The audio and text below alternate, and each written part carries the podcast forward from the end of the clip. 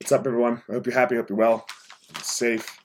Um, where did we leave off? We left off with this idea that when we are trying to make other people happy for ourselves, what is it? Is that even real? Is that is that even genuine? Because I know I'm not doing it for uh, for them. Really, I'm doing it for me, and it's not even an honest thing. Like you're not even admitting that. So what what what is that right? That's such a hard thing but so i know so many of us do it. I know i do it. I, I had to move off of that. There's nobody in our lives that we can make happy. Not a single person in my life that exists in my life can i make happy. That person excuse me has to find that for themselves.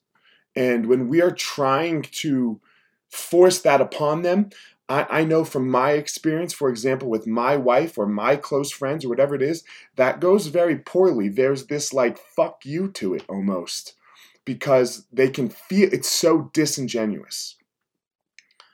We all have to understand that there is one single person in our lives that we can make happy, and that's ourselves.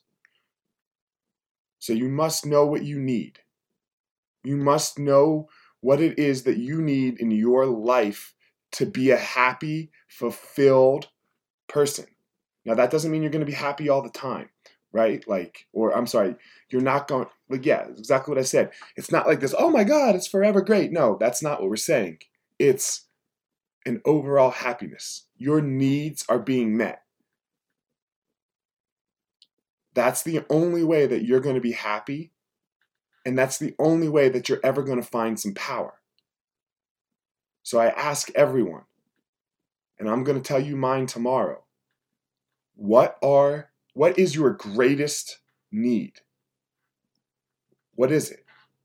What are they if there's a couple? I have one. And that's what really helps me find my power. What's up, guys? Elliot here. Um, before we get started, I have started a Patreon account. Patreon is a place where you can go to help support the podcast. Uh, I would greatly appreciate it if you are finding it useful. I have one tier right now um, for the first 50 people.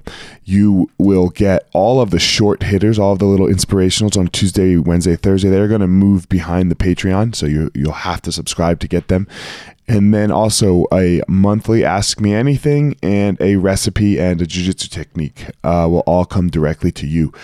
And that's it. So patreon.com backslash elliot marshall. And thank you all for your help